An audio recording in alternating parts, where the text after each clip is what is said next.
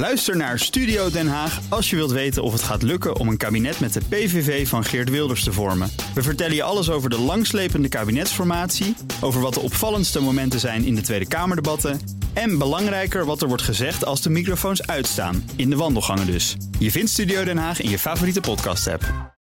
BNR's Big Five van de nieuwe mobiliteit wordt mede mogelijk gemaakt door BP Fleet Solutions. Today, tomorrow, together. BNR Nieuwsradio. The Big Five. Art Rojakkers. Welkom bij de Big Five. Hoe houden we Nederland mooi, groen en mobiel? Veel complexe uitdagingen komen samen op onze wegen, spoor en water. Welke keuze maken de verschillende sectoren als het gaat om onze nieuwe mobiliteit? Dat bespreek ik deze week met de hoofdrolspelers. En vandaag doe ik dat met Marjan Rintel, president-directeur van de Nederlandse Spoorwegen. Welkom. Dankjewel. We beginnen met drie stellingen. Mag u met eens of oneens op antwoorden? Nuanceren kan later. We gaan minder dan 50% thuiswerken. Uh, nee. Oké. De trein wordt in de toekomst het belangrijkste vervoersmiddel van Nederland. Dan zeg ik natuurlijk ja. Ja, ik krijg de regering zeker zover om flink te investeren in nieuw spoor. Daar ga ik ook vanuit. Ik ben positief. Nou, twee keer ja, één keer nee. We komen erop terug hoor. Vorige week ging Nederland weer eh, aan het werk. Naar, de, naar school, ook naar de zomer. Het zuiden was het nu Ja. deze week. Hè. De hamvraag is: keren de reizigers terug naar de trein? Zullen we meteen met de laatste cijfers erbij pakken? Nou ja, vorige week eh, zagen we al dat er 77% van de reizigers eh, terug zijn in de trein. Vrijdag was een uitschieter, 85%. Had maar dat iets te maken met Zandvoort? Ja, het was ook een bijzonder weekend. Drie dagen Zandvoort eh, heeft natuurlijk wel iets erbij opgeteld. Mhm, Want Ja. als we dat niet meerekenen, waar kom je dan op uit? Nou, rond de 77% 75, 77% Tevreden mee? Nou ja, goed, je, we, we, komen, we komen in 2019, was het eh de drukste jaar ooit. Eh, dus we, daar zitten we nog lang niet op. Dat zal zeker tot 2025 duren voordat we daar weer op zitten. Waar zit hem dat in? Nou, dat zit natuurlijk met name, hè, waar je al in je stelling over begon, over het eh, thuiswerken. Dus die 77% zegt nog niet zoveel over de mix. 77%. Nou ja, goed, dat waren natuurlijk in de zomer vooral ook de recreanten, Mhm. de studenten die nu weer gaan, eh, naar, naar school gaan en naar de universiteit gaan. Eh, en, en dan eh, moeten we nog de forensen ook terugkrijgen. Ja, en als we daarover hebben, over die forensen inderdaad. Ik las bij de collega's van het FD dat u niet zo gelooft in het hybride werken, zoals dat dan heet. Nou, weet je, er zijn ook afgelopen anderhalf jaar heel veel verschillende meningen over het hybride werken eh, geweest. We moeten het natuurlijk allemaal nog gaan zien en gaan uitvinden komend jaar. Thuiswerken gaat nooit meer weg, hè? dat geloof ik ook. Ik heb gezegd anderhalve dag, twee dagen. Ja, één tot anderhalve dag, zei u in het FD. Ja.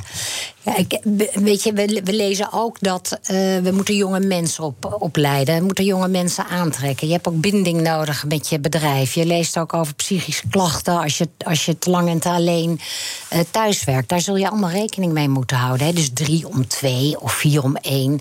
Het zal helemaal afhangen van wat voor soort werk doe je, in welke teams werk je en hoe kan je dat invullen. Wat maakt het uit voor de NS als we kijken naar cijfers of mensen bijvoorbeeld drie om twee gaan werken? Dus drie dagen op kantoor en twee dagen thuis.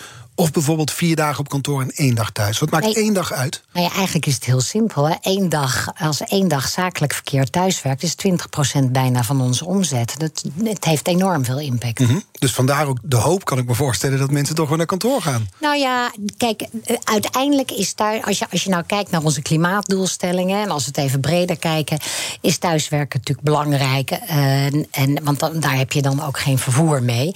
Eh, ik denk als je kijkt naar 2025, dan zitten we weer op het niveau. Maar er komt een enorme groei aan. En die groei die willen we ook graag eh, kunnen vervoeren. Hè. Als je kijkt naar de woningbouwproblematiek, eh, dan, dan zal daar infrastructuur naartoe moeten. Daar zullen mensen met de trein en openbaar vervoer naartoe moeten. En dan hebben we alle capaciteit nodig. Ja, en dat is voor de iets langere termijn. Als we nog naar de kortere termijn kijken, ben ik benieuwd hoe u kijkt naar de mondkapjes in de trein. Ja. Eh, nou goed, weet je wat wij afgelopen anderhalf jaar hebben gedaan, is dat we gewoon volgen wat de RIVM zegt. En tot nog toe is het zo dat we de mondkapjes dragen. Dat beleid voeren we dan ook uit. Ik zie natuurlijk wel nu langzamerhand in de praktijk dat het lastig wordt. En niemand begrijpt het meer. Want eh, in het winkelcentrum Hoog Katerijn hoef je geen mondkapje op. En op het station van NS moet je wel een mondkapje op. En in de trein ook. Dus je ziet ook dat reizigers er langzamerhand moeite mee hebben. Nou, wat ik heb begrepen is dat daar 20, als, als 20 september daar verandering in komt. met de anderhalf meter die eraf gaat. dan hebben we ook geen mondkapje meer nodig. En kan iedereen ook zonder mondkapje reizen. Dus u gaat ervan uit dat per 20 september de mondkapjesplicht verdwijnt in de trein en Ik op ga ervan uit. Als, we die, als het helemaal, als de cijfers heel erg tegen zullen vallen en die anderhalve meter wordt niet losgelaten, dan zullen wij ook het mondkapje in de trein hand, uh, handhaven. En dan zullen we dat houden. Maar dan moeten we daar ook een beetje met elkaar op letten dat we het ook doen. Belt u met Den Haag over zoiets als een mondkapje? Heeft zeker. u daar contact? Ja, zeker. Zegt u dan, nou, het is wel eens mooi geweest? Nou, weet je, Laten we ermee stoppen. Ik, was altijd, ik ben altijd heel erg voor het mondkapje geweest. Hè, omdat er ook toch veel angst was om dicht bij elkaar te zitten. En dan biedt het mondkapje natuurlijk wel enige bescherming eh, in, het, in het reizen met de trein op die anderhalve meter. Maar nu je ziet dat het in heel Nederland is afgeschaft en reizigers er moeite mee hebben om het te dragen en elkaar gaan aanspreken en daar ook agressie uit ontstaat, dan denk ik, dan moet je of zeggen we doen het wel, maar dan handhaven we het ook. En, dan doen we het ook overal.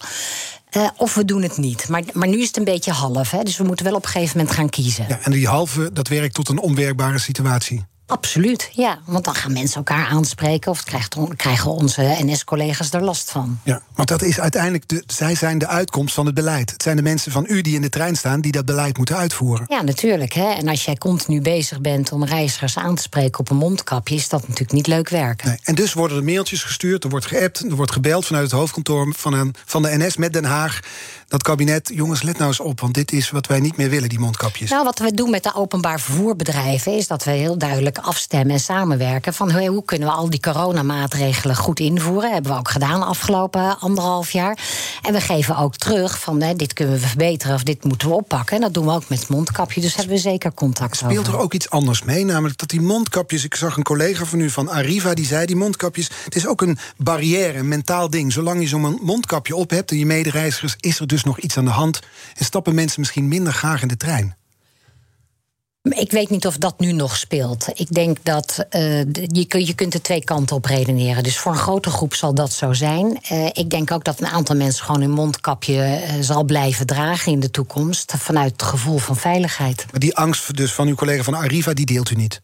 Over die mentale nee, want, barrière? Nee, want ik zie nu dat heel veel mensen de trein instappen. E, echt wel met mondkapje, maar ook een aantal niet. En ik denk dat juist de eenduidigheid van laten we het allemaal op dezelfde manier doen. Hè, ook, als je in de supermarkt staat, die staat boven op elkaar, draag je ook geen mondkapje meer. Dus het is, het is gewoon niet meer logisch uit te leggen. Voor een deel van de mensen zal de trein ook het imago toch houden van de plek waar je dicht op elkaar zit, waar je dus besmet kan raken. Je zit ook anders dan in een vliegtuig, hè? je zit tegenover elkaar. Wat, wat kunt u daaraan doen aan dat imago? Nou, wat, het, verbaast me een beetje ook, het imago. Hè? Ik weet niet of jij de beelden van Zandvoort hebt gekeken de afgelopen drie dagen. Dus, eh, de, het was best druk, hè? Het was best druk. En uh, dus als het om een mooi event gaat, dan, dan, is er, niet, uh, dan is er niet meer veel aan de hand. Dus ik denk je, we zijn mensen, we zijn gewoontedieren. Het moet er een beetje uitslijten. Weet je, corona is, is er, het, het zal ook blijven. We zullen het gewoon, het, zal gewoon een, iets zijn wat in onze samenleving heerst. Je kunt er tegen gevaccineerd worden. Hè, dat, dat, dat, dat, helpt enorm. Uh, en dat is een onderdeel van, uh, van, van het reizen waar we ons toe moeten verhouden. Dus, dus ik denk dat het. Uh, wat dat betreft ook in de treinen de reizigers gewoon weer terugkomen. Ja, dus op lange termijn vermoedt u dat het gewoon weer goed zal komen, zal ik maar zeggen. Ook qua reizigersaantallen, dat die 77% in 2025 100% is. Ten opzichte van 2019 is het dan 100 procent, ja.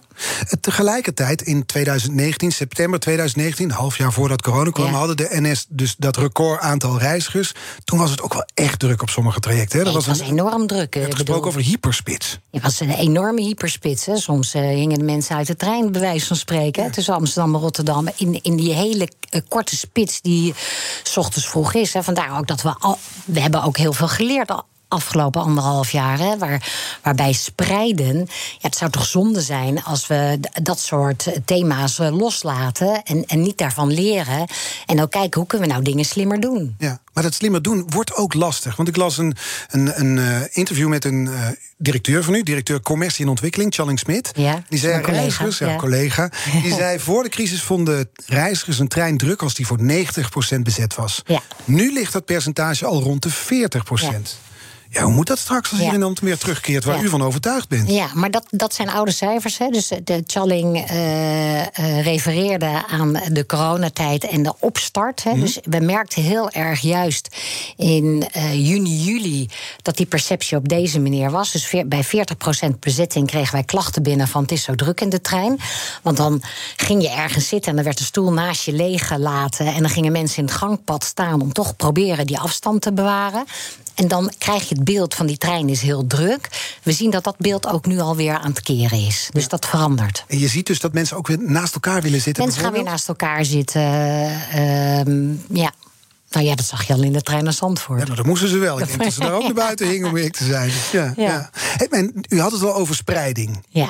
Hoe pak je dat aan?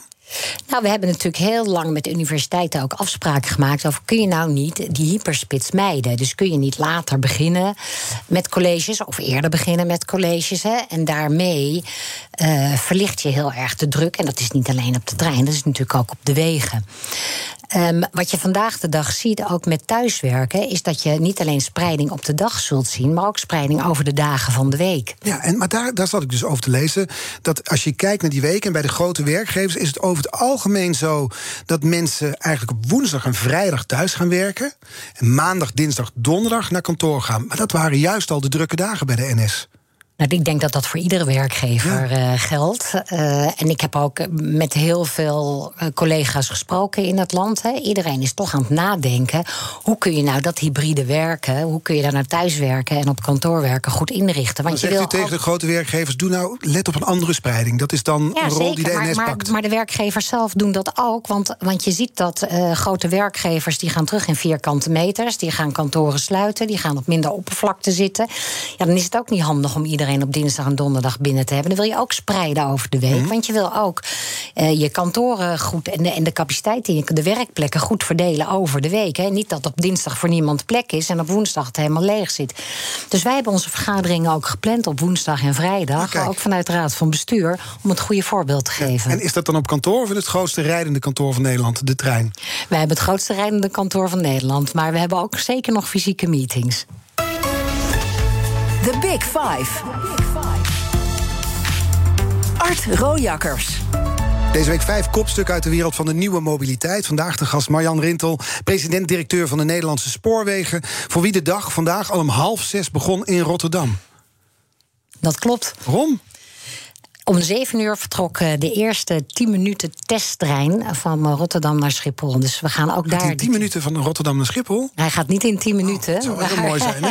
Ja. We, gaan, we, hebben, we zijn eh, een tijd terug, al jaren geleden, begonnen met tien minuten om de tien minuten rijden tussen Amst- Amsterdam en Eindhoven. Daar zijn mijn nu- ouders heel blij mee. Ja, want dan hoef je, ga je naar het station, dan hoef je niet meer te kijken hoe laat vertrekt de Nee, trein. het scheelt veel stress. Dat scheelt heel veel stress, geeft veel vrijheid. En je hebt ook meer kans op een, op een stoel, want het is ook meer capaciteit Hè, als er zes treinen rijden in plaats van vier treinen. Dus dat Nou, is eigenlijk de, de tegenhanger van spreiding, zeg maar. Het is niet is- alleen spreiding, maar het is ook meer treinen inzetten. Ja, dat is ook meer capaciteit. Hè? Dus we hebben een aantal dingen. Je moet spreiden. We bieden op het, op het hele drukke spoor in Nederland ook meer capaciteit door dichter op elkaar te rijden. Dat doe je met die 10-minuten-trein. Nou, daar hebben- zijn we vandaag eh, mee begonnen vanaf Rotterdam naar Schiphol. Om eh, eh, de, die 10 minuten te rijden. Te kijken of dat werkt. Er wordt een aantal woensdagen achter 14, elkaar. 14 testdagen hebben we, zodat we in december in de nieuwe dienstregeling dat gewoon eh, kunnen invoeren. Zou daar, wat moet er getest worden? Nou, het is echt op de seconde rijden. Hè, En dat is echt belangrijk. Dus er is nieuwe infrastructuur aangelegd. Maar dan vervolgens moeten de machinisten en de conducteurs en de treindienstleiders van ProRail echt heel als een team samenwerken op de seconde. Om ook echt te zorgen. Want naast die Straks 10 komen die herfstblaadjes. Wat zei je? Straks komen de herfstblaadjes. En dan?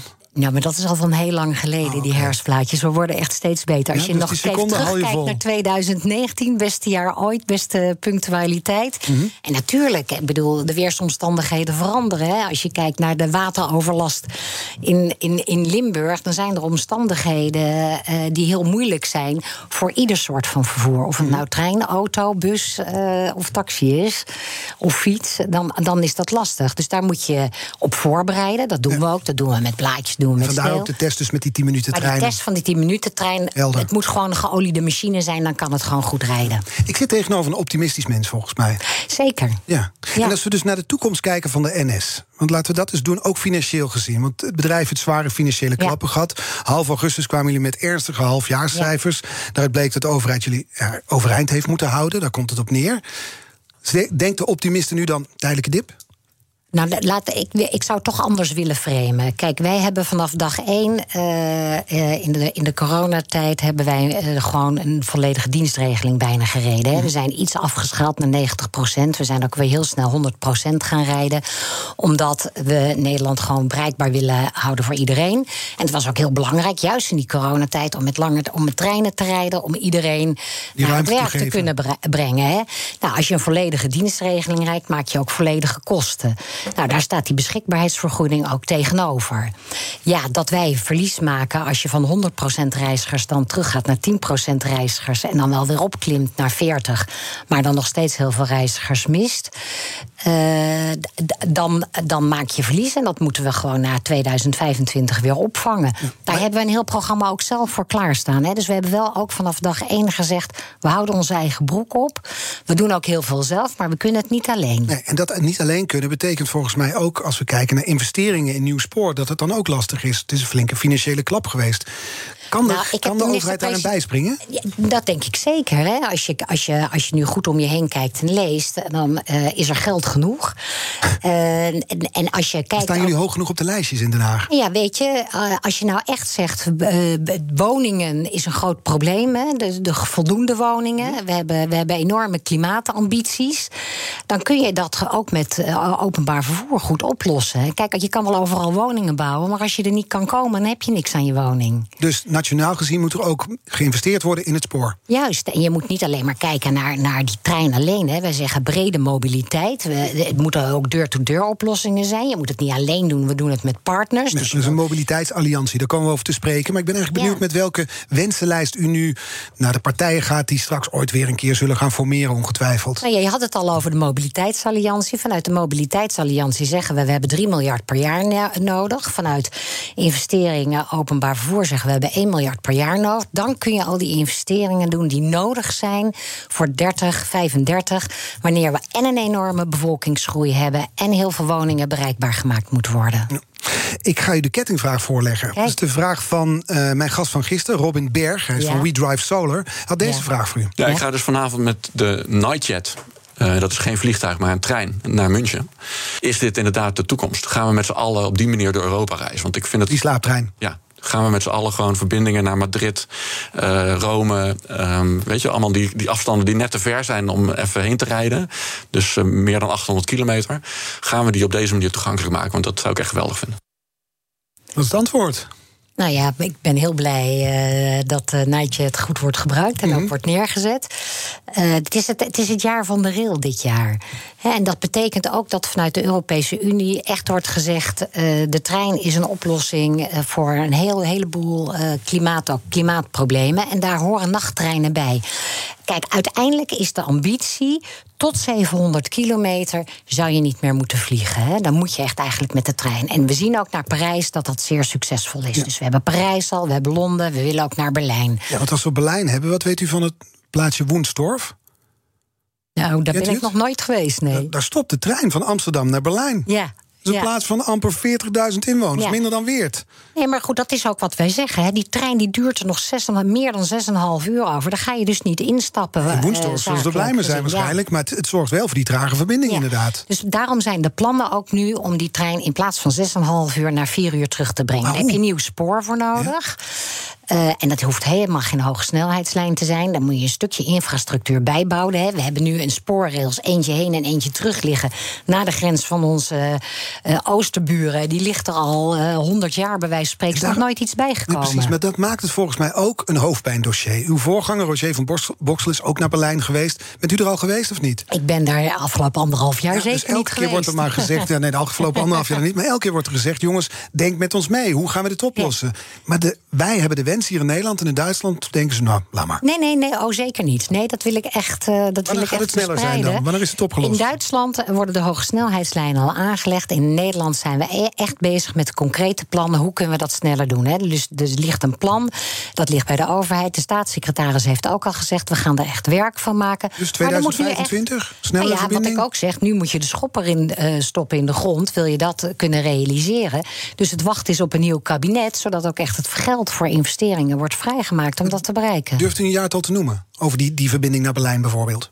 Nou, ik vind in ieder geval dat de ambitie 225, 230 moet zijn. En dat we echt. Kijk, mijn ambitie is op korte termijn dat we dit jaar eh, geld voor de benodigde investeringen gaan vrijmaken. 230 is nog ver weg. Ja, dat is ver weg. Maar daarom Al die reizigers stappen in de tussentijd allemaal in het vliegtuig. Ja, dus, en, en als je dus nu niet beslist, gaat dat nog langer duren. Ja, maar wie dus moet dat beslissen de dan? urgentie ook zo. Nou, nou goed, dat gaat daarom een nieuw mobiliteitskabinet, hè, waarover gesproken wordt, waarbij je en wonen en de klimaatoplossingen en infrastructuur en die investeringen ook integraal bekijkt en ook daarover besluit dit jaar door een nieuw kabinet.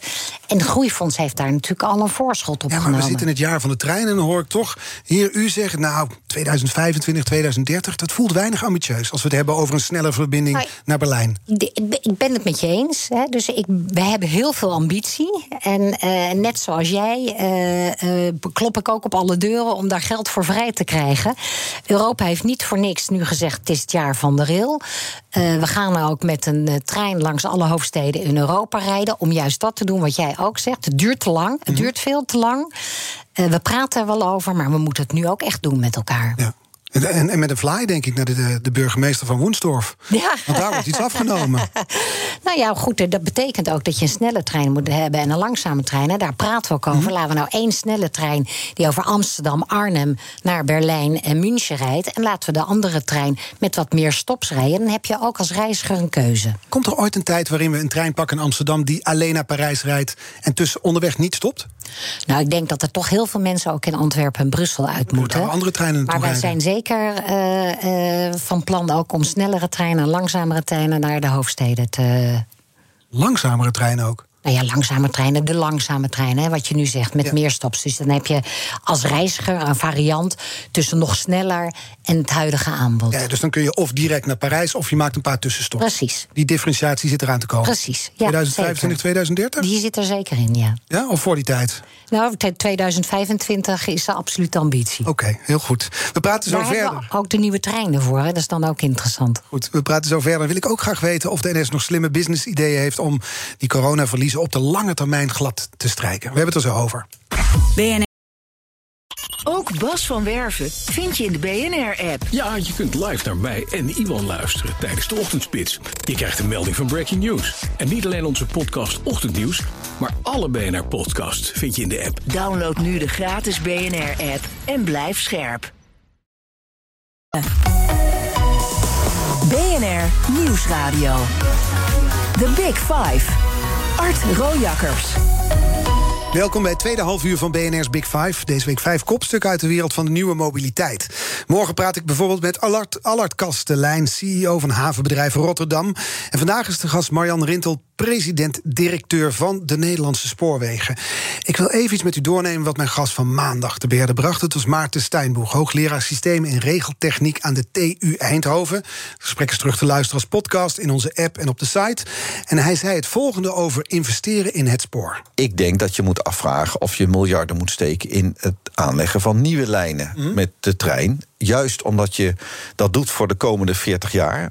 Maar die, die mobiliteitstransitie zit eraan. Zo snel. Als we straks echt allemaal elektrisch kunnen Ja. rijden, is de noodzaak. eh, En, en het staan in de file is minder relevant. Dan is de noodzaak om in een trein te stappen veel minder groot. Dus ik denk dat je. Als je echt miljarden gaat investeren, moet je echt goed nadenken of dat de investering die je nu gaat doen de komende jaren, of dat dan over eh vijf tot tien of twintig jaar, of dat nog de beste investering is geweest. Ja, we gaan elektrisch rijden. Dat is allemaal hartstikke schoon. Dus we hebben die trein niet meer nodig over enkele tientallen jaren. Nou, weet je, wij zeggen vanuit de mo- mobiliteitsgedachte... het is een combinatie van trein, vliegtuig, auto, fietsen, steps... en wat je erbij kunt bedenken. Eh, ik heb er ook naar geluisterd. En weet je, ook het elektrisch vliegen, hè, daar zitten dan 25 personen in. En dan hebben we het over 2040 en 50. Er gaan vandaag, vandaag de dag al zoveel treinen... eh, waar duizend mensen in zitten met de Thalys naar Parijs. En als je dat 14 keer per dag hebt... dan eh, zijn dat toch andere aantallen.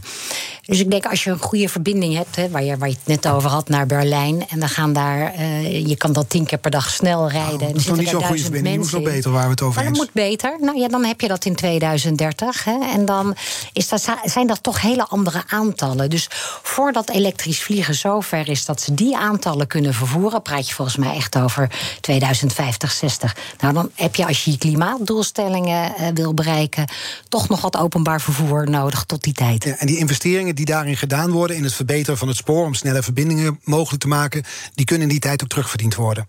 Ja, zeker. En als je ook kijkt naar. Uh, want ik dat was waar ook... Stijnboeg over twijfelde. Ja, ik heb het ook met Carlo, zijn collega, besproken. Ja, precies.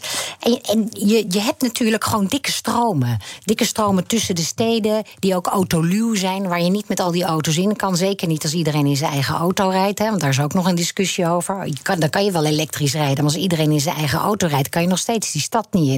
Dus hoe kun je die dikke stromen nou vervoeren en combineren met elektrische auto's? Mm -hmm. En dat is allemaal, wordt dan gezegd door niet alleen de president-directeur van de Nederlandse Spoorwegen, maar ook de vicevoorzitter van de Mobiliteitsalliantie. Dat bent u. Samenwerkingsverband van 25 mobiliteitspartijen, waaronder ANWB, de Rijvereniging, Fietsersbond, noem maar op. Um, hoe gaat de samenwerking eigenlijk? Nou, Binnen die alliantie zijn allemaal goed. verschillende belangen natuurlijk. Ja, maar dat klopt.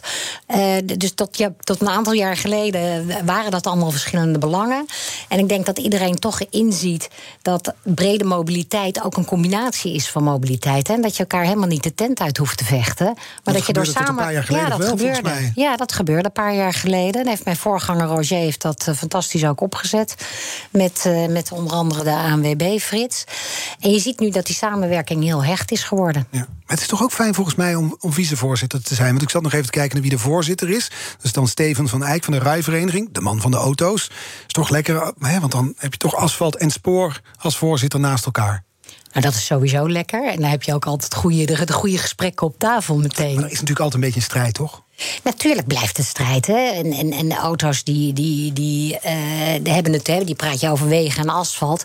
Maar ik denk dat als je nu kijkt naar het hele kleine land van Nederland, waar je zo ongelooflijk veel mensen moet uh, vervoeren, wat dicht bevolkt is, waar je hele beperkte ruimte is, dat je het beter samen kan doen. Hè? En dat zie je ook nu in de problematiek die op ons afkomt. Die beperkte ruimte, waar je praat over boeren en stikstof en landbouw en klimaat. Ja, dan kun je het wel allemaal naast elkaar doen, maar je kunt veel beter samenwerken om uiteindelijk voor Nederland uh, het beste klimaat te regelen. En ook van waar, waar jouw kinderen en mijn kinderen nog uh, fijn kunnen wonen zoals wij vandaag de dag doen. Dat begrijp ik. En tegelijkertijd kunnen die miljard of 2 miljard euro kunnen ook maar één keer uitgegeven worden. Dus dan is het de keuze of we, we verbreden die ene snelweg of we gaan het spoor gaan we investeren. Ja, maar als je nou kijkt naar het initiatief wat we hebben rond Amsterdam, hè, dat doen we samen met Schiphol, dat doen we samen met KLM, dat doen we samen hè, met, met NS, met de stad Amsterdam. Daar, daarvan zeg je ook, op een gegeven moment moet je ook over je eigen schaduw heen kijken. Moet je kijken wat is het beste voor Nederland. En dan zeggen wij ook, trek die Noord-Zuidlijn door. Dan uh, doen wij de Schiphol uh, Airport Sprinter. Uh, en dan kun je dus vervoerstromen zodanig doen dat het veel beter samenvalt. En dat de capaciteit in zijn totaliteit groter wordt. Ja, dus Noord-Zuidlijn doortrekken. Noord-Zuidlijn doortrekken, airport sprinter erbij. Uh, er is al een deel vanuit groeifonds wat daaraan besteed wordt dat is, dat is belangrijk en dat bereik je overigens alleen maar met samenwerking. Ja. Bent u eigenlijk aangesloten bij een politieke partij?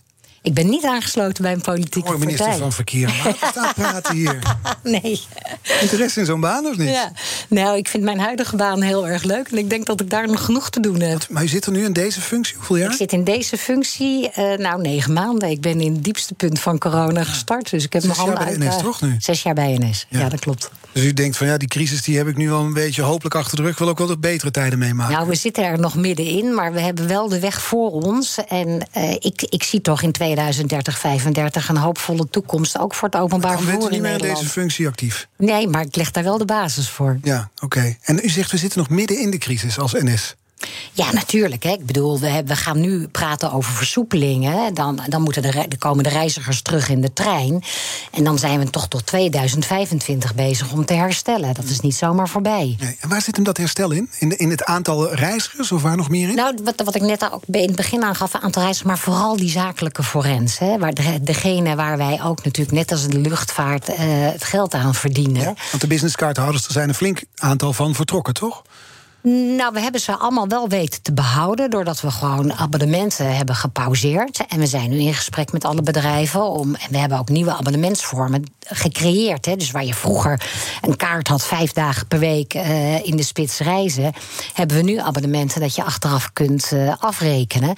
Waardoor je ook veel flexibeler bent. -hmm. In hoeverre bent u eigenlijk in uw functie gebonden aan het spoor, vroeg ik me af. Want u zit dus bij de Mobiliteitsalliantie. Er zijn allerlei plannen dat er ook bijvoorbeeld op abonnementsgebied van alles gecombineerd kan gaan worden. Een tankpas, uh, NS-kaart, een leasefiets, een leenauto, noem maar op en zo. Dus kun je dat abonnement straks afsluiten bij de NS? Maar we zitten niet alleen in sporen. We hebben 20.000 fietsen. Ik denk dat wij de grootste, de grootste fietsenaanbod hebben van. Uh, punt gemaakt. Die, ja. punt gemaakt. grootste fietsenmaker en ja. verhuurder van Nederland. Ja, precies. En we gaan natuurlijk veel meer. het punt, hè? Ja, ik snap het punt. Nee, hoe we wordt ons dat straks makkelijk gemaakt? Nee, we zijn echt bezig met HTM en GVB uh, en met de andere partijen om dat digitale platform neer te leggen voor het openbaar vervoer in Nederland. Hè. En dan kun je gewoon uh, goed kijken waar, naar waar wil ik naartoe en met welke mobiliteit wil ik daar naartoe. Het kaartje kopen en betalen. En, en dan bied je ook al die producten bij elkaar uit. Hè. We hebben vandaag al deelauto's, we hebben vandaag al fietsen, we hebben vandaag de trein. Dan krijg je zo direct de airport sprinter. Als je die kan combineren met de metro en de tram en de bus. En dat allemaal op één platform mm. kan uh, reserveren, boeken, betalen, beheren. Dan maak je echt een stap voorwaarts in het brede mobiliteitsaanbod. Ja. Maar dat doe je samen met partners. Hè. Je hoeft niet meer alles zelf te doen. Dat nee. is ook een beetje oud denken. Je moet het gewoon dat samen doen met partners. Doen. Ja. Dat kun je in zo'n groep doen. We horen die airport sprinter nu een paar keer voorbij komen. Wanneer gaat hij er eigenlijk zijn? Nou, wij rekenen zo op. Dat hangt nog van een aantal dingen af. Hè, want we hebben ook nog een nieuwe trein te introduceren. De Intercity Nieuwe Generatie. Die gaat natuurlijk eerst over de HSL rijden. En daarna gaat de Airport Sprinter er komen. Dat zal rond 2025 zijn. Ja, en dan, dan is dus de drukte daar voor een deel daarmee opgelost? Nou goed, maar nogmaals, daar hebben we ook al die investeringen voor nodig. En de bouw van uh, doortrekken Kleine Ring, Noord-Zuidlijn, et cetera. Dus dat zal. Uh, dus, die duren weer wat langer. Die duren wel wat langer. Ja, ja. ja. Die, die nieuwe Intercity, is dat die, die, die nieuwe dubbeldekker ook, of niet? Dat is met die, met die, met die zwarte kop, uh, inderdaad. Nou, we hebben, we hebben een aantal. We hebben de, de, de dubbeldekker, dat heet de firm, maar dat zijn spoortermen. Hè. Dat is een dubbeldekker, die reviseren we allemaal. En we hebben dan die Intercity nieuwe generatie. Die gaat echt over de HSL op hoge snelheid, 200 km per uur. Die, zijn, die rijdt al in Nederland. Hè. Sommige mensen zeggen, kijk, daar heb je de Wesp. Zo ziet hij er dan uit. Uh, als bij staan als je de, de ja, Wesp ja, ja, het is, het is een hele mooie trein. En die gaat dan strakjes over de HSL rijden van Amsterdam. En uiteindelijk natuurlijk ook uh, door naar België. Ja, het is eigenlijk de opvolger van de Vira. Dat is eigenlijk de opvolger van de Vira. Ja, ja, zo zou je het simpel kunnen zeggen. Wat fijn om te horen dat hij ja. er eindelijk is. Hij is er eindelijk, ja. He? Nou, gelukkig hebben we Wat al het die heeft tijd... even geduurd, het is opgelucht. Dat heeft uh, lang geduurd. Maar goed, vandaag de dag rijdt er ook gewoon een Intercity uh, over de HSL. Ja, maar niet met 200 km per uur. Vol. Het is niet met 200 km per uur. Nee, en nee. straks dus wel. Straks zeker. En wanneer was dat, dat hij zo hard mag gaan rijden? Nou, hij de treinen mogen er nu zo hard rijden, hè, want de andere treinen rijden de Eurostar ja, en de Maar deze nieuwe Intercity? Deze, nieuwe, deze gaan we introduceren. Hè. Hij komt in, uh, in uh, zomer 22 en dan ben je toch anderhalf jaar bezig met zo'n test, zo'n zo'n proefbedrijf noemen wij dat dan. Hè. Rijdt die trein zoals die moet rijden? Hoe rijdt hij dan? Dan begin je met 160 en dan uh, ga je hem langzamerhand uitrollen naar 200. Dus zijn we de komende twee jaar nog mee bezig. En is dan daarna het hoofdpijndossier Vira bergen op? De archiefmap gaat de kast in en we praten er nooit meer over. Nou, volgens mij moet je altijd terugkijken om te leren van de dingen die je goed hebt gedaan en beter kan doen. Ja. Maar uh, soortgelijk. Ja, het waren in dit geval de voorgangers, gelukkig toch? Ja, precies. Mag je er altijd bij zeggen dan? Ja, ja. En, en als we kijken naar die nieuwe Intercity en ook naar andere uh, treinen die er komen, in hoeverre zijn jullie op dat vlak bezig met verduurzaming? Nou, wij rijden al sinds jaar en dag op, uh, op uh, windenergie. Uh, we hebben net de Circulair Award gekregen. Dus ik denk dat wij als NS heel trots mogen zijn in voorloper qua duurzaamheid. Mm. Onze treinen worden gerecycled hè, voor meer dan 99 procent. Dus daar doen we alles al aan om dat iedere, iedere keer beter te doen. En, en ook wij hebben daar nog uitdagingen in en willen ook voorloper blijven. Zometeen praat ik verder met Marjan Rintel, de president-directeur van de NS. We gaan eerst naar Kees Dorrestein, want zometeen om 11 uur BNR breekt. En jij wil op reis, je wil op vakantie, je wil weg. Ja, ja ik heb ook binnenkort vakantie. Oh. Alhoewel, uh, kan dit dat gaat wel? dan... Gaat BNR dan even op zwart? Nee, nee, ja, kijk, ik, ik ben een invaller van Iwan, dus dan is Iwan gewoon weer terug natuurlijk. Dan ja. komt dat helemaal goed. Um, maar ik ga het dan wel over nog uh, een reis hebben die iets verder is. Want we kunnen nu eigenlijk in Europa makkelijk reizen code groen en geel. De rest van buiten Europa is oranje. Mm. Maar Buitenlandse Zaken zegt nu in de Telegraaf vanmorgen... ja, corona gaat niet weg, dus die echte internationale reizen buiten Europa... moeten ook wel terug kunnen keren. En de vraag is dan, ja, kan dat zomaar. Als je gevaccineerd bent, kan je misschien toch besmet worden... en neem je misschien wel een nieuwe variant mee terug... als we dat weer massaal gaan doen. Dus dat vonden we een leuk... denker die je bent, Kees Nee, ja, nee, ja, ja. Het is, ik, ik denk gewoon aan beide kanten. Hè? Ik denk dat altijd, eh, wat als, wat als. Ja. Ehm, maar ja, het is ook wel weer lekker om weer eh, een, een lange reis te maken. Dus daarom als breekijzer, verre reizen buiten Europa... moeten meer mogelijk worden. Ook als je naar een land gaat met veel besmettingen. Want dat is nu het discussiepunt. Wat mag dan wel en wat mag dan niet? Wat vind je, eens of oneens? Wil je weer naar het buitenland reizen, daarbuiten, buiten Europa? 020 468 4x0. Vanaf 11 uur kan je bellen. Tot zo, Kees. BNR Nieuwsradio. The Big Five. Art Rojakkers. Ja, de Big Five van de nieuwe mobiliteit. Met vandaag de gast Marjan Rintel, president-directeur van de Nederlandse Spoorwegen. Negen maanden in deze functie. Oktober vorig jaar eh, bent u de opvolger geworden van Roger van Bokstel als de baas van de Nederlandse Spoorwegen. Er is best wel veel vragen gesteld aan u aan hoe dat dan was, zo midden in coronatijd. Hè? Bedrijven in de rode cijfers. Maar als ik zo met u praat, u lijkt er niet onder te lijden.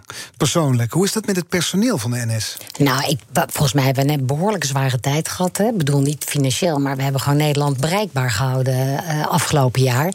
En daar hebben alle NS-collega's natuurlijk heel hard voor gewerkt. Eh, dat hebben we wel gedaan met alle veiligheidsmaatregelen te nemen. Hè, door het dragen van mondkapjes, houden van afstand. eh, speciale looproutes, ook door het station. Wat doe je in de retail? Hè, want die hebben we natuurlijk ook op alle stations. Dus er zijn mensen dag en nacht bezig geweest om en dat heel snel te implementeren. En ervoor te zorgen dat onze machinisten en conducteurs veilig konden werken. En ja, je staat naar- wel in de frontlinie, hè, dus het is ook eng. Heel veel mensen hebben het ook eng gevonden. Ja. En als jullie nu onderzoek doen naar zeg maar, het sentiment onder het personeel, hoe staat het daarmee? Nou, ik moet echt zeggen, hè, eh, eh, Zandvoort was wel ook een hoogtepunt waar alle NS-collega's hebben laten zien dat iedere vijf minuten rijden, eh, door, door met, samen met ProRail heel goed samen te werken, op de seconde en de minuut, we toch eh, iedere ochtend nou bijna 30.000 mensen heen en 30.000 mensen terug hebben rijden. En dan zie je die trotsheid in dat bedrijf eh, eh, bestaan. Ja, en dat zit in al die NS-collega's. Nederland bereikbaar houden dag en nacht. Dat, komt dan, dat, dat, dat zie je heel expliciet. En dat zag je ook tijdens die coronatijd. Dus daar, daar is dan trots eh, op. En als we, als we iets langer terugkijken, u heeft moeten aankondigen dat er mensen ontslagen zouden Ja. worden. Uiteindelijk geen gedwongen ontslagen, gelukkig. Er kwam na veel moeite kwam er een nieuwe CAO. Ik kan me voorstellen dat in zo'n traject, midden in zo'n crisis, er pijnlijke momenten zijn. Absoluut. Er zijn absoluut pijnlijke momenten. En, en wij hebben natuurlijk heel snel moeten zeggen... eh, als je 4, tegen 4,7 miljard minder opbrengsten aankijkt... van hoe ga je dat, eh, hoe ga je toch weer zorgen dat je in 2025, 26 weer een beetje break-even bent. Hè? Want ik ik bedoel, we zijn heel blij met die beschikbaarheidsvergoeding. Maar dat is en maar een deel, want we maken nog steeds verlies daarnaast. En eh, dat hou je ook niet in de eeuwigheid vol. Dus je zult ook zelf je maatregelen moeten treffen. Nou, we hebben gezegd, we gaan naar een kleiner wendbaar NS. Zijn natuurlijk ook vanuit digitalisering allerlei, en dat heb je ook afgelopen jaar gezien, versnellingen. Dus reizigers kopen hun kaartjes online, reizen op een andere manier. Dus we hebben daar ook aanpassingen op moeten doen. Wat wij in ieder geval zeggen, we zijn volgens mij een hartstikke goede werkgever. We zeggen iedereen die bij NS wil blijven werken, kan bij NS blijven werken. We bieden iedereen een baan aan die bij ons wil eh, werken. En er zijn ook heel veel mensen ook van baan naar baan ehm, al gegaan. Alleen het is natuurlijk wel altijd heel pijnlijk als je iets wat je al heel lang doet ziet veranderen. Ja. Het is gewoon vervelend en, en daar moeten we ook bij stilstaan. En wat dit betekent het dan voor u persoonlijk? Er kwamen verschillende verhalen van u tegen. Ik lag een aantal interessante artikelen in de Trouw... waarin u ook gevolgd werd. Er werd over u gezegd, u bent geen zacht ei. U, u, u kunt behoorlijk zakelijk zijn. Is dat dan wat de NS op dit moment nodig heeft?